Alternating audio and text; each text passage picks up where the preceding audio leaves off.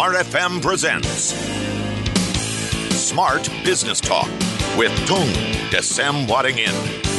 Smart Business Talk.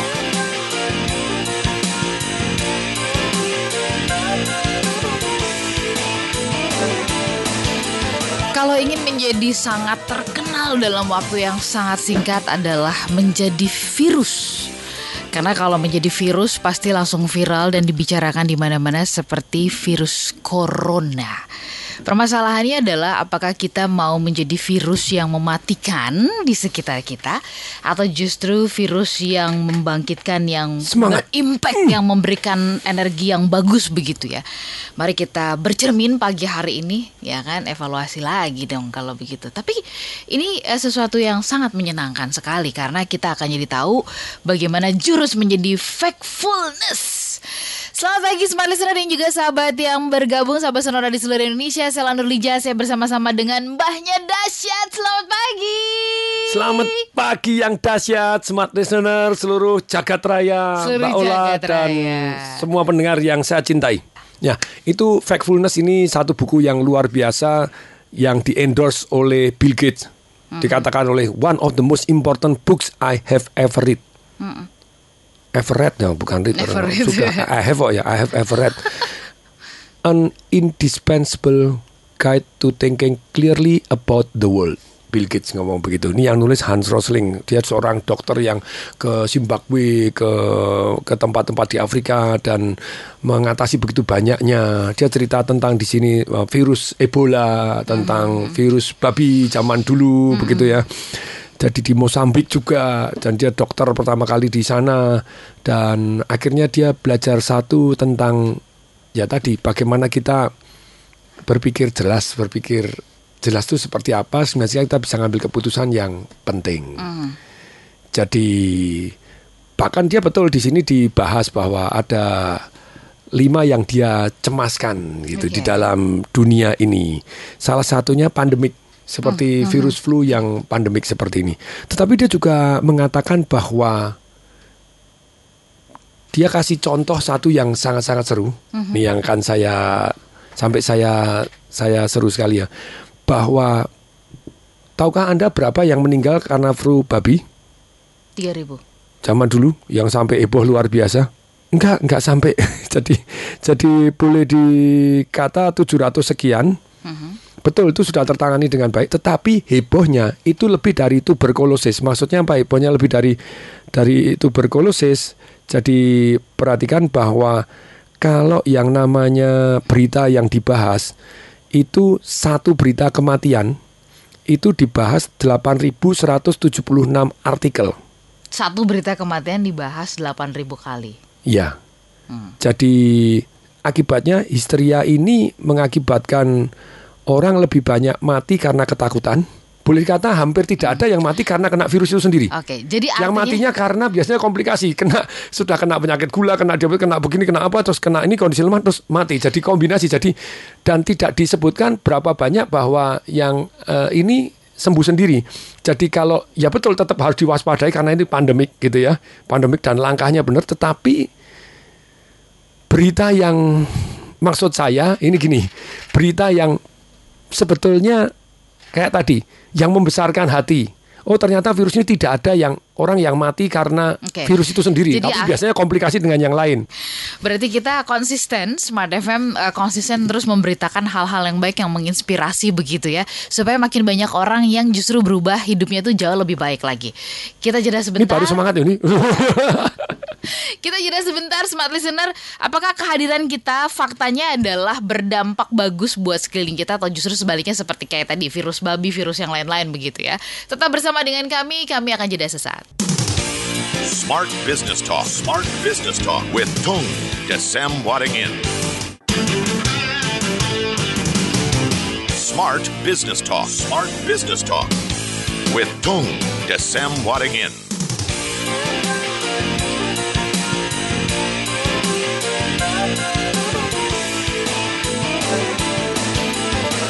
Smart listener dan juga sahabat yang bergabung. Buat Anda yang agak-agak kurang rajin Jadi saya menggunakan kata yang lebih halus. Tapi nggak apa-apa Pak. Kalau kita bilang malas juga nggak apa-apa kan ya? Kalau Anda yang agak-agak malas membaca buku Itu sebenarnya wajib loh dengerin Smart FM Kenapa? Karena semua narasumbernya nih rajin membaca buku Dan keren-keren. Dan keren-keren. Kita cuma tinggal asal pasang kuping Memperhatikan gitu tuh dapat Dapat yang update dan jos ilmu-ilmu penting dalam kehidupan. Nah, itu. Bukan gosip doang. Nah, Tapi kalau tapi memang nggak bisa dibohongin sih ya Pak Tun. ya. Energi itu attract alike gitu. Saya Hmm, Yes. melihat bahwa orang-orang pintar, orang-orang bijak itu akan kumpulnya dengan orang-orang bijak dengan orang pintar. tanpa disadarin. Tanpa disadari orang-orang penggosip, orang-orang yang Kumpul dengan orang yang gosip. Iya itu tuh nggak bisa dibohongin emang udah natural akan ngumpul begitu. Karena bebek nggak mungkin ngumpul dengan serigala. Ya, kebek tidak mungkin ngurus kan Raja Wali dimakan nanti.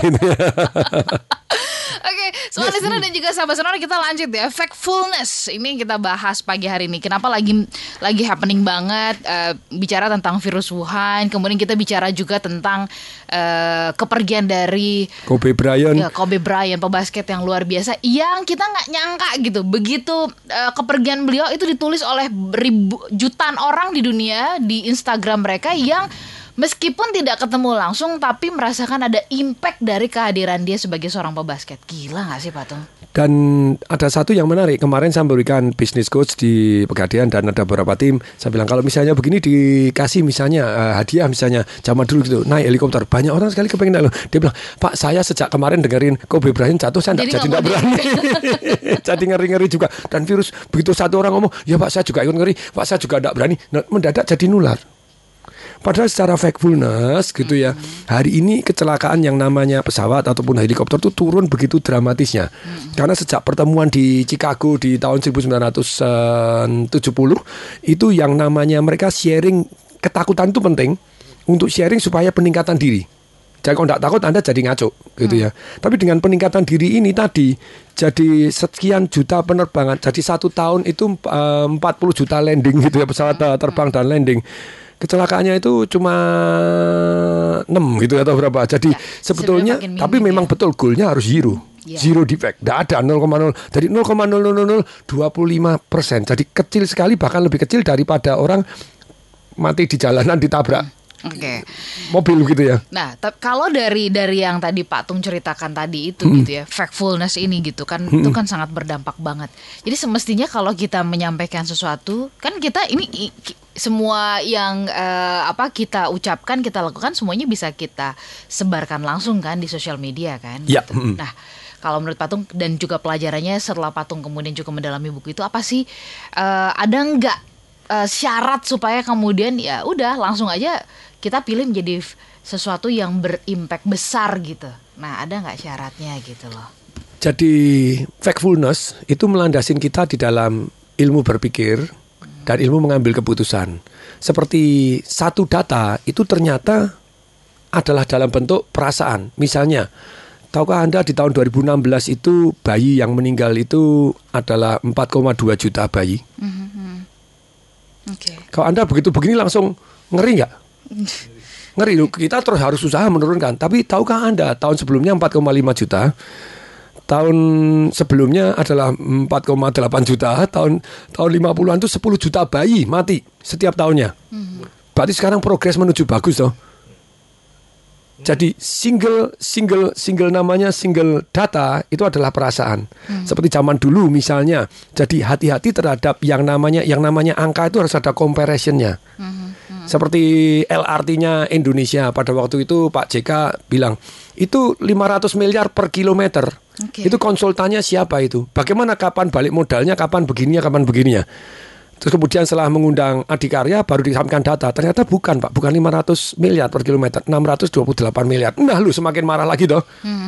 Nah ketika semakin marah lagi, nah pertanyaannya ternyata Indonesia termurah di dunia. Nah lu, nah sekarang kok bisa dibandingkan dengan Malaysia itu 800 miliar per kilometer, di China itu 900 miliar sekian, eh, eh, terus kalau di Kanada itu 2,2 triliun per kilometer, terus kalau di Dubai itu 1, sekian triliun eh, per kilometer. Nah, yang paling mirip dengan Indonesia itu Amerika itu lap- 680 sekian miliar US dollar. Nah, na- 680 miliar rupiah per kilometernya. Tentu saja harus dibandingkan apple to apple. Maksudnya tidak bisa, oh karena terrainnya atau wilayahnya, terus kemudian bawahnya ikut dibangun mall, dibangun apa, diinginkan nggak. Ini yang apple to apple. Tetapi sama dalam hal ini, tentu saja yang namanya factfulness itu kalau misalnya pemerintah perlu dicek juga. Sebentar, apa betul datamu dari mana? Apa betul Amerika segitu? Apa betul di di Timur Tengah seperti itu apa betul di Malaysia 800 miliar apa betul di China 1, nah tapi dalam hal ini betul-betul datanya dicari kebenarannya dulu. Kadang orang menggunakan data untuk mempengaruhi. Oke. Mempengaruhi orang supaya lu ini saya murah kan dibandingkan dengan yang lain. Nah, pertanyaan tentu saja boleh nggak bisa lebih murah tentu saja. Tapi kalau sudah termurah di dunia dikerjakan oleh anak negeri dan ke anak bangsa sendiri dan berikutnya adalah untuk kepentingan publik tentu saja tidak bisa dikatakan bahwa Ini murah atau mahal begitu itu ya? murah atau mahal terus baliknya kapan. Nah, itu jadi pertimbangannya berbeda. Jadi ketika kita mendengarkan sebuah angka, ada grafik dan sebagainya, maka harus ada komparasi begitu ya. Ya, tapi kita terus dengan belajar ilmu ini kita belajar baik. Saya beri contoh dalam keputusan bisnis saya. misalnya. Kemarin saya pas di Semarang itu sebetulnya lagi tanda menyelesaikan penjualan hotel. Saya kan jual hotel saya dan saya beli kondotel juga. Nah, saya selesaikan tentang perjanjiannya seperti apa, seperti ini pembayarannya seperti apa karena masih belum dibayar sampai hari ini misalnya gitu. Tapi dalam hal ini pada waktu saya mau bangun hotel yang di Semarang tadi yang namanya Star Hotel, itu kan kita pada waktu kita pemegang saham bareng, saya bilang kasih kolam renang tertinggi di Indonesia, jadi kita menjadi objek wisata, jadi orang pengen renang di langit, karena itu hotel tertinggi di Jawa Tengah. Sudah hotel tertinggi di Jawa Tengah ada kolam renang di langit seperti Marina Bay Sands, Anda berenang tidak usah ke Marina Bay Sands, bisa renang di Semarang, keren toh? Langsung memegang saham yang lain, mahal Pak Tung, nah lu. Saya bilang kalau Anda bilang mahal, itu bahasa perasaan, darling. Oke. Itu fear Anda terhadap mahal, murah, susah. Itu bahasa perasaan. Lah, lebih baik keluarkan angkanya. Keluarkan angkanya. Keluarkan angkanya. Oh betul Pak Tung, bangun kolam renang aja satu miliar mahal. Misal gitu. Oke begitu dia bilang, misalnya angka satu miliar dulu kan. Ini hanya angka, siapa ngitungnya gampang perbandingan. Jangan dianggap bangun kolam renang di langit pasti satu miliar. Enggak, tergantung berapa besar, berapa tinggi, berapa apa. Nah, sekarang misalnya satu miliar mahal. Keluar angka, saya bilang satu angka, dengan saya belajar ilmu ini, factfulness, satu angka harus Anda compare lebih dahulu. Loh, Pak Tong kalau bangun kolam renang di bawah itu cuma 200 juta. Dengan luas di atas satu miliar itu lima kali lipat lebih mahal itu mahal Pak Tong. Saya bilang tunggu dulu. Kita bangun berapa kamar apartemen, kita bangun berapa kamar hotel. Total 500. Kalau saya bilang 500 berarti per kamar harus ada faktor pembaginya. Betul. Per kamar berarti berapa? Per, per apartemen 2 juta. Anda pilih mana? Beli apartemen seharga 400 juta tanpa kolam renang di langit atau dengan 402 juta tapi ada 402 kolam renang juta. yang super keren di langit tertinggi. 402 juta Nambah 2 juta dapat seumur hidup dapat kolam renang di atas Ya. walaupun tentu saja ada biaya maintainnya dan impactnya jauh lebih. lebih Ya.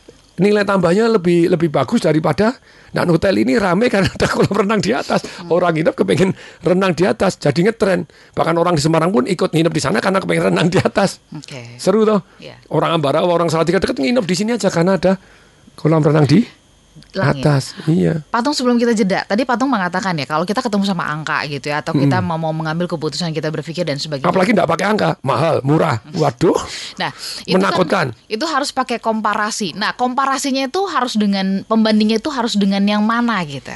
untuk alokasi keuangan kita, contohnya saya, saya perhatikan lagi di Swedia, satu hari ada berita manusia dimakan oleh beruang.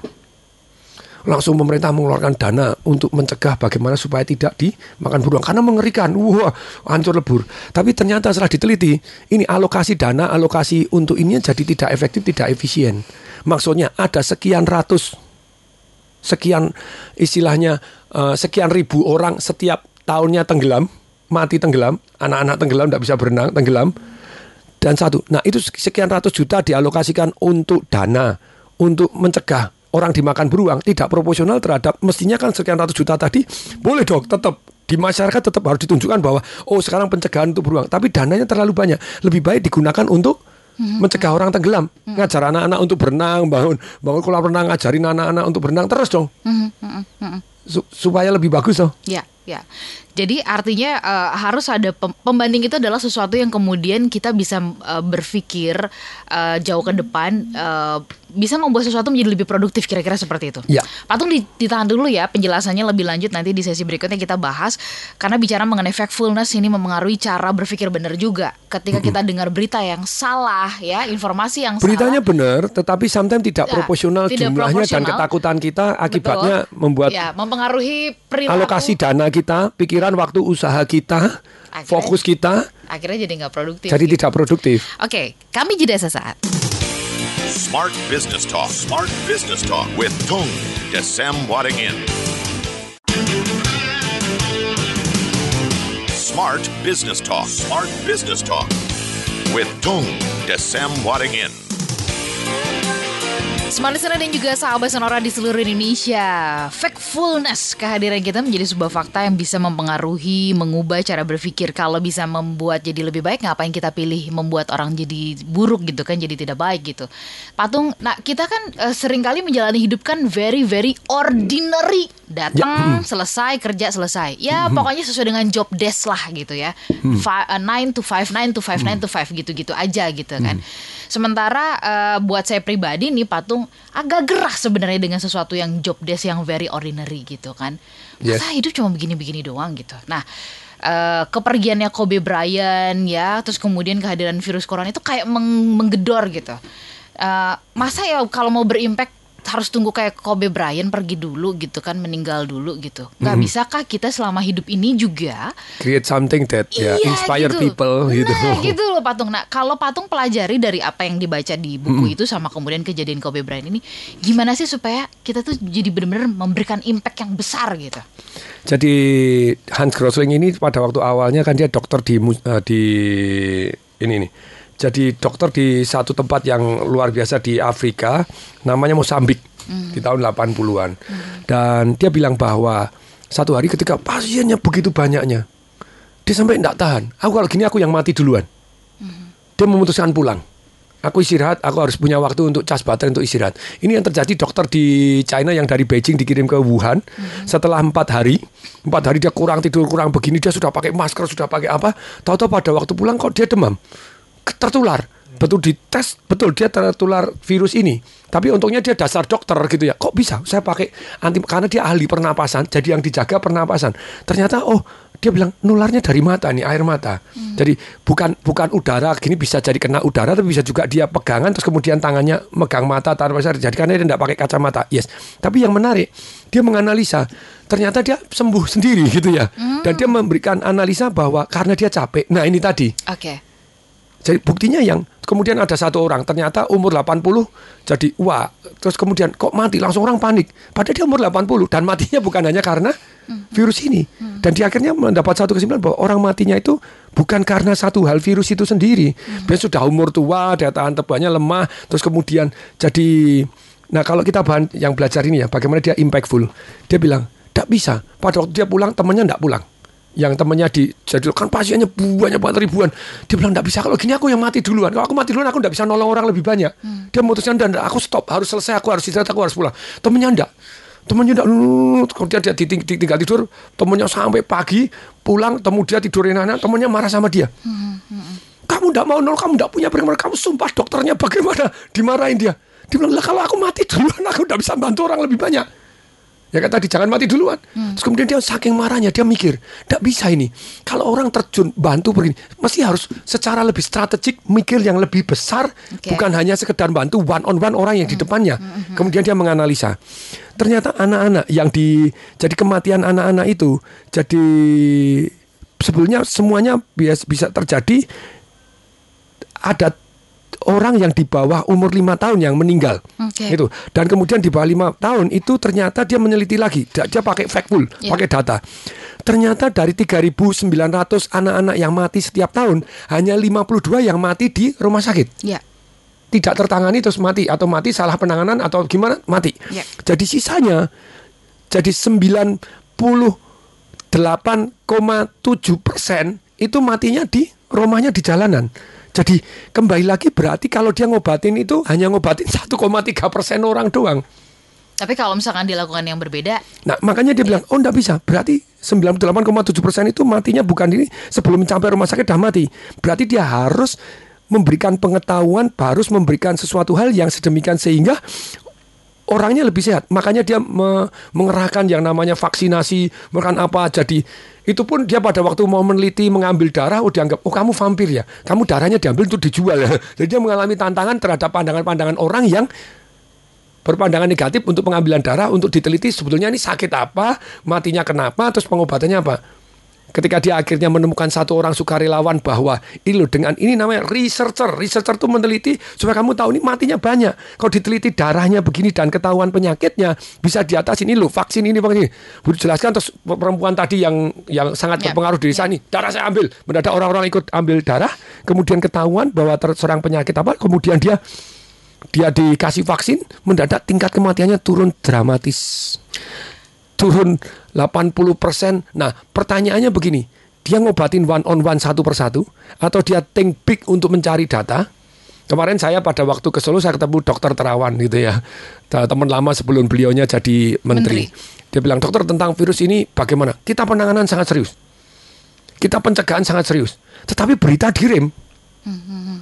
Kalau beritanya dijedorin, rugi secara ekonomi jauh lebih Besar. besar. Makanya bilang, tidak boleh sembarangan orang memberikan pernyataan. Ya. Kayak satu satu profesor memberikan pernyataan di Singapura bahwa sudah ada satu orang kena virus, langsung travel warning, jangan pergi ke Singapura. Oke. Berapa dampaknya? Jadi- tapi penangannya sangat serius. Ya. Yang pandemi ini tidak boleh main-main. Jadi dia pengen 135 pintu masuk di Indonesia. Itu di begini dan begitu ada di BRI itu saya datang sendiri, tidak boleh memberikan benar gini. Panik itu sahamnya pendak rotok. Ya, ya. Kalau tidak begini, jadi penanganannya sangat serius, beritanya direm supaya proporsional gitu. Iya. Jangan sembarangan ngasih berita, waduh impactnya secara ekonomi ya. Oke, jadi kalau misalkan kita uh, kita modeling situasi itu kepada kita lagi bangun bisnis atau apa pun begitu ya, berarti kita sendiri juga hati-hati nih dengan pernyataan kita, hati-hati dengan apa yang kita ungkapkan. Termasuk misalnya ketika Anda tanya dengan cara yang salah, kemudian misalnya pada waktu Anda mau mulai bisnis, Anda tanyanya gini, kalau nanti bangkrut bagaimana? Tanyanya salah ya. Ternyata tidak mudah loh, ini yang si A, B bangkrut. Anda berani nggak Iya. ambil keputusan untuk buka bisnis? Iya. Kalau nanti ditolak gimana? Nah, pertanyaannya harusnya dibalik. Ini nih saya, saya, saya share. Pada waktu zaman dulu virus eh, meninggal dunia sampai ini loh. Saya ada baca bukunya di Anthony Robbins gitu ya. Dan dia menyatakan begini, ada satu peneliti yang meneliti bahwa virus flu ini sering kali yang disalahkan flu Beijing, flu Wuhan, flu begini. Tapi ada yang menarik. Jadi analisanya ini menarik. Jadi ternyata setiap selesai liburan panjang, nah orang banyak kena flu. Bilang, kok bisa? Oke, kok bisa sih? Satu pada waktu liburan itu ngawur, dugem sampai bagaimana. Jadi tidurnya kurang seperti dokter yang ke Wuhan itu tadi empat hari ya. kurang tidur. Iya. Tapi ini bukan dugem karena dia berbakti untuk orang banyak untuk meneliti gitu. Jadi kurang istirahat, kurang. Yang kedua, Oke. yang kedua makannya ngawur. Pada waktu liburan aku pengen wah liburan makan ini makan itu makan ini makan ini makan itu. Oke. Dan begitu makan jumlahnya banyak. Jadi ditutup dengan es krim, ditutup dengan begini tidak tercerna dengan baik. Kemungkinan kena flu-nya. Di pada waktu di tahun 1900-an awal ada satu dokter. Oke. Ini baru kemarin saya cari belum ketemu. Kalau itu ketemu kan Oke. pakai artikelnya lebih jos. Waktu saya baca ini mungkin salah jadi Anda datanya jangan dianggap kebenaran. Tapi dia menyatakan begini bahwa flu itu dia mulai meneliti daripada nanya sakit dan kenapa sakitnya apa dia lebih lebih ba- lebih naik kenapa kok ada orang tidak tertular Oke. ini cara berpikirnya yang seru Ya. cara berpikir bisnismen nanti sama ketika anda bisnis kenapa ada orang sukses daripada lo ini tidak sukses tidak ini lo ini baru ini Berarti bangkrut berarti saya bisa juga nggak sukses dong gitu. yes Ya kan? jadi kok, kok orang sakit kok mati kok mati dia kenapa kok ada satu kakek kakek tua begitu tua renta kok tidak mati kena virus flu. Ada anak muda kelihatannya gini mati kena virus flu. Akhirnya dia punya kesimpulan gini, kalau orangnya itu dalam kondisi sehat dan pencernaannya bersih. Nah ini. Jadi dia meneliti, oh ini makanya ngawur. Ini jadi mulai dia menemukan bahwa pencernaan. Nah kemudian orang itu sebenarnya kena virus flu tidak apa-apa. Daya tahan tubuh manusia. Kemudian dia survei siapa yang mau diinjek oleh virus flu. Tidak ada yang mau. Iyalah. Dia pergi ke marinir, marinir kan wah sil angkatan yang luar biasa ini demi penelitian. Dan ini hasil surveinya siapa yang anda pemberani gitu ya, yang yang yang pemberani stay back, yang yang yang yang yang, yang pemberani tetap tinggal, terus kemudian yang ini mundur. 49 orang atau berapa berani, angkanya sekarang angka. Semua 49 orang ini di detok dalam arti dibersihin, di kolon cleansing begitu ya, dibersihin, makanannya dijaga, terus kemudian dalam kondisi fit sehat disuntik virus flu. Tidak ada satupun 49. Padahal virus itu matiin puluhan juta saat itu. Dan Pak Dokter dia meneliti puluhan juta ini kenapa kok mati? Karena empat tahun perang dunia. Selama empat tahun perang dunia itu ekonomi negara itu berantakan nggak karu-karuan. Dan ketika ekonomi berantakan nggak karu-karuan, harapan hidup dari umur 33 berkurang jadi 23 tahun. Hari ini naik, wih, jadi 70 tahun karena ekonomi dunia. Dunia itu ternyata sekarang sudah kayak Anda bilang Ethiopia. Ya, Ethiopia ya. itu sekarang sudah makmur gitu ya. Kemarin saya ketemu duta besar untuk Indonesia di Senegal gitu ya. Afrika itu banyak sekali yang makmur naik eh, ekonomi yang pesat tapi kita masih bilang Afrika kelaparan itu sudah kuno. Dulu kelaparan perang karena perang. Perang antar dua suku yang tidak bisa damai akhirnya setelah damai mereka sadar baru Nah ini, jadi pengertian kita sebagai seorang bisnismen. Jadi ketika Anda mau ambil keputusan, Anda tanya dan kemudian itu diteliti. Oh, virus flu itu ternyata tidak nular lewat ini, lewat tenggorokan, lewat begini. Oke. 49 marin ini semprotin pakai pakai yang ada flu-nya di mulutnya. Tapi tidak satupun yang kena virus flu. Oke. Nah, mestinya berita-berita ini ya kayak pesawat jatuh tentu saja lebih heboh daripada tidak jatuh 40 juta landing dengan selamat apa ini yang diberitain. Iya. Tetapi dalam hal ini jadi Bijaksanalah jadi ketika oh ternyata terjadi sesuatu. pencegahan begini, oh terjadi kemajuan Oke. begini, kemajuan keselamatan. Jadi please diungkap juga data-data yang, yang proporsional. baiknya gitu. Iya sih, kita kalau ya memang mohon maaf patung lebih enak kita membicarakan hal yang ya buruk gitu ya tentang kekurangan ke kejelekan tuh jauh lebih enak sih digali ya dikorek-korek ya ketimbang hal yang bagus kita Nah, beritakan. kalau bisnis saya beri share lagi. Pada waktu tahun 1999, sebenarnya 98 Oktober Oke, ya. Pada waktu saya mau buka bisnis saya yang pertama. Oke, share-nya boleh ditahan dulu Boleh, ini kita factfulness juga ini gitu ya. Factfulness supaya nggak supaya nggak kepotong. Cara gitu. berpikirnya seperti apa supaya jadi bisnismen Iya, sukses? Iya, cara berpikir strategis di tengah situasinya. ambil keputusannya. Iya, Hmm. di tengah situasinya yang tidak baik. Begitu kan? Kita jeda sesaat Semua listener dan juga sahabat yang bergabung. Bagaimana? Kita masih lanjut ya Nanti bicara soal factfulness Yang mempengaruhi cara berpikir. Nah ini bisa kita modeling buat Buat eh, apa eh, karir kita Buat bisnis Buat sesuatu yang kita lagi bangun. Tetap bersama dengan kami. Smart Business Talk. Smart Business Talk with Tung Desem Wadingin. Smart Business Talk. Smart Business Talk with Tung Desem Wadingin. Semua listener dan juga sahabat Sonora di seluruh Indonesia. Patung, eh, kalau tadi Patung ini memberikan pelajaran yang luar biasa ke saya sendiri gitu kan. Hati-hati ketika mengeluarkan pernyataan gitu ya. Kemudian ketika menangani sesuatu sekecil apa pun itu, tanganilah dengan sangat serius. Nah, eh, tadi juga membahas mengenai eh, belajar dari usaha apalah segala macam itu ternyata kan dipengaruhi atau dimulai dari cara berpikir. Dan cara berpikir adalah cara bertanya salah satunya. Nah, Di mana Anda kalau bertanya, di sana Anda fokus. Kalau Jawabannya nanya salah ya jawabannya salah. Kayak saya pada waktu mau memulai bisnis, ketika kalau saya nanya kalau gagal gimana ya, kalau bangkrut gimana, Anda pasti akan takut. Tapi ketika pertanyaannya saya ganti, supaya kemungkinan berhasil lebih tinggi bagaimana ya? Akhirnya dengan saya tanya seperti itu, saya ya kalau gitu kerjasama dengan yang berhasil aja. Kemudian saya nanya lagi, loh yang berhasil kan belum tentu mau kerjasama dengan saya. Apa yang mereka mau? Kalau Anda sudah berkecil hati apa yang mereka mau, ya Anda mendapatkan penolakan lah betul toh, ditolak atau orang tidak mau toh. Jadi cara bertanya salah, hasilnya salah. Cara berpikir adalah salah satunya dengan cara bertanya. Kemudian saya bertanya, supaya orang yang sudah sukses mau kerjasama dengan saya, caranya? Dari pertanyaan seperti itu keluar jawabannya. Ya, I help them first. Kalau saya membantu mereka, mereka mau. Dan saya adalah part of solusi, jadi bukan part of perkara. Jadi kayak saya dalam mengelola bisnis saya, ya kadang saya otak mamalia, tapi saya tetap menerima orang untuk berkesempatan.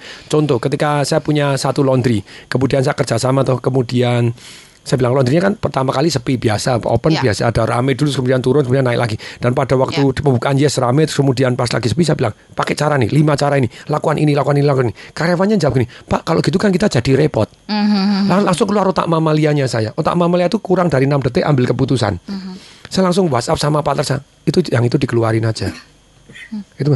Terus kemudian Pak Tung itu otak mamalia saya terima dikatain itu. Ya. Pak Pak Tung langsung bang-bang atau langsung marah keluarin. Betul, saya lebih jarang marah. Saya lebih sering ngeluarin orang secara umum gitu ya. Sungguh itu sungguh gitu ya. Daripada marah langsung Daripada saya aja. saya daripada itu saya keluarin. Terus kemudian yang Pak Tong itu otak mamalia saya terima masukan. Oke, Pak Tong kasih kesempatan ya saya bina dulu dalam dua bulan. Oke, dua bulan kita tes dan ukur. Dua bulan enggak enggak naik. Saya bilang tes ya ikut cara saya yang itu dikeluarin. Begitu keluarin naik lima kali lipat. Karena secara mental gitu ya, kalau Anda caranya tanya, wah ini kan repot. Jadi Anda, oh saya dibayar berapa nih? Tapi saya juga tes termin. Saya tanya sama partner saya, komisi dibayar nggak? Perlotnya dikasih komisi nggak? Enggak lah, itu tadi. Sekarang kita tes harus kasih komisi dulu. Oke, kasih komisi. Saya kasih komisi, orangnya sama aja dengan karakter yang negatif tadi. Setiap ada orang yang mau laundry, dia WA. Itu omsetnya berkurang loh. Terus pintu ditutup separuh, turun separuh. Yang namanya Ya udah orang males lah. itu tuh karena panas katanya. Tapi kita pecahkan. Kalau panas nggak bisa, kita harus pasang, Hmm, hmm. pasang istilahnya eh, payon ya, oke. payon supaya gini. Terus kemudian yang namanya yang namanya spanduk berdiri, kalau dikeluarkan di tengah jalan orang lewat, itu dikeluarkan, itu turun eh, naik naik dua kali lipat, dimasukin turun separuh lagi. Jadi males nyebar brosur, disuruh nyebar brosur, walaupun dapat komisi, walaupun dapat begini, ternyata tidak bisa dibina, ya lebih baik dikeluarkan. Di dalam bisnis itu, saya percaya terhadap ini. Pembinaan hanya digunakan untuk orang yang baik jadi dahsyat. Oke. Bukan untuk membuat orang yang tidak baik jadi baik. Kalau orang yang tidak baik dan Sudahlah, selesai. selesai gitu ya. Oke. Saya based on prinsip. Itu walaupun saya tetap boleh kasih kesempatan dibina, diginiin. Tapi nggak bisa ya langsung selesai. Jadi saya buka bisnis pertama tanggal 9 bulan 9 tahun 1999 jam 9 pagi 9 menit 9 detik gitu ya. Masih inget ya. Oh, 21 tahun yang lalu. Hmm, time flies gitu ya. Itu ya kok saya berani buka karena saya tanyanya benar. Banyak orang tidak berani buka kalau gagal gimana, rugi gimana. Jadi mereka namanya fear instinct. Jadi di dalam buku Factfulness ini, jadi manusia itu mempunyai banyak yang namanya insting-insting. Fear instinct, negatif instinct, straight line instinct. Straight line instinct itu menganggap bahwa kalau nanti mati bilang satu jadi dua, dua jadi empat, empat jadi delapan. Enggak, pasti akan ada decrease-nya juga. Ada yang S curve, ada yang begini curve. Nah, seperti virus, saya cocok dengan Pak Menteri Kesehatan. Penanganannya serius, pencegahannya serius, beritanya agak dibenerin. Jadi tidak boleh sembarangan orang menyatakan berita. Wah ini dicurigai virus di BRI. Wah langsung gedung BRI ditutup semua ditutup. Padahal gini wah. Ya akhirnya itu menghambat em, ya Perekono- transaksi perekonomian ya loh. kan? Ya yang paling yang sederhana lah transaksi. Lah kayak di ini terjadi ya kayak itu nanti. Orang nggak ada yang mau lagi datang ke Cina. Nah itu terus kemudian ini yang di Kanada kemarin ada orang yang pokoknya wajahnya mirip Chinese belum belum tentu Chinese begitu bersin langsung satu kereta pergi turun semua sungguh terjadi pada loh karena di Kanada itu wah beritanya luar biasa sampai saya bilang tidak proporsional loh kamu nggak ngerasain pada waktu kita virus vi- vi- vi- virus SARS dulu gini loh penanganannya harus serius karena pandemi itu harus serius Ya, ya. tetapi beritanya yang proporsional. Saya bilang saya tanya, yang yang mati berapa? 44. Oke, tahun tersebut itu yang mati tenggelam berapa banyak kamu di Kanada? Tahu nggak? Ya. Yang mati kena TBC, walaupun TBC sekarang mulai teratasin, tapi berapa banyak? Anda nggak ngerti. Yang mati tabrakan berapa banyak?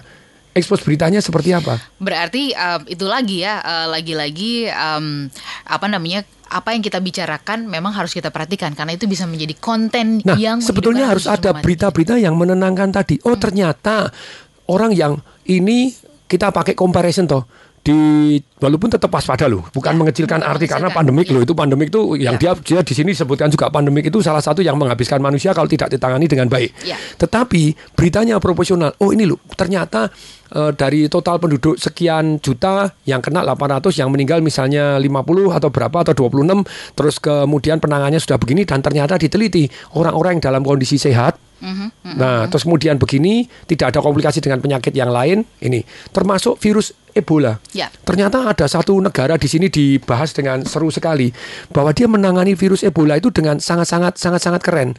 Kenapa sangat-sangat keren? Karena karena ini terjadi nih, nih virus Ebola saya saya saya bacain ya. Jadi dia dia ke impactnya bahwa bahwa ternyata setelah virus Ebola itu tadi di jadi ada negara. Jadi kalau dulu budayanya budayanya itu peluk-pelukan, cium-ciuman, sekarang sudah enggak. Jadi mereka mulai waspada, mereka mendadak yang namanya jumlah jumlah penyebaran penyebaran virus itu turun. dikris. Begitu dikris, ya ini sebetulnya sudah tertangani. Oke.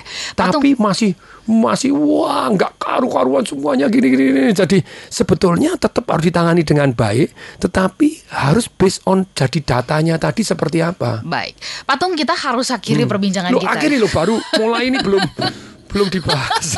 Belum Lagi semangat semangat.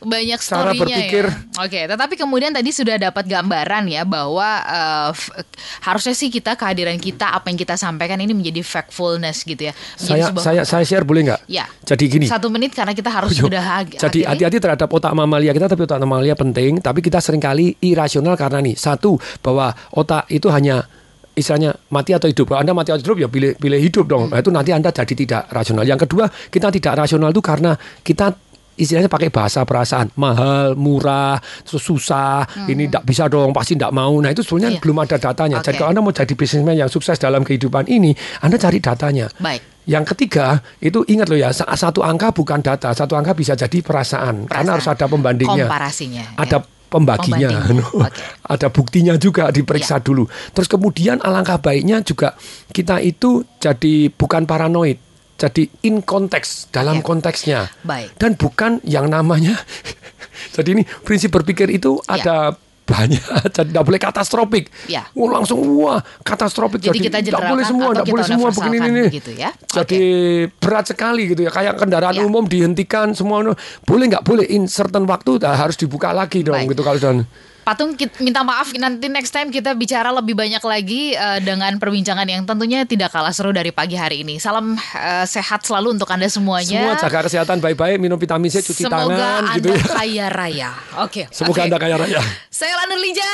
Tong desa Waringin. Salam dahsyat. That was Smart Business Talk with Tung Desem Wadding In. Brought to you by Smart FM Network.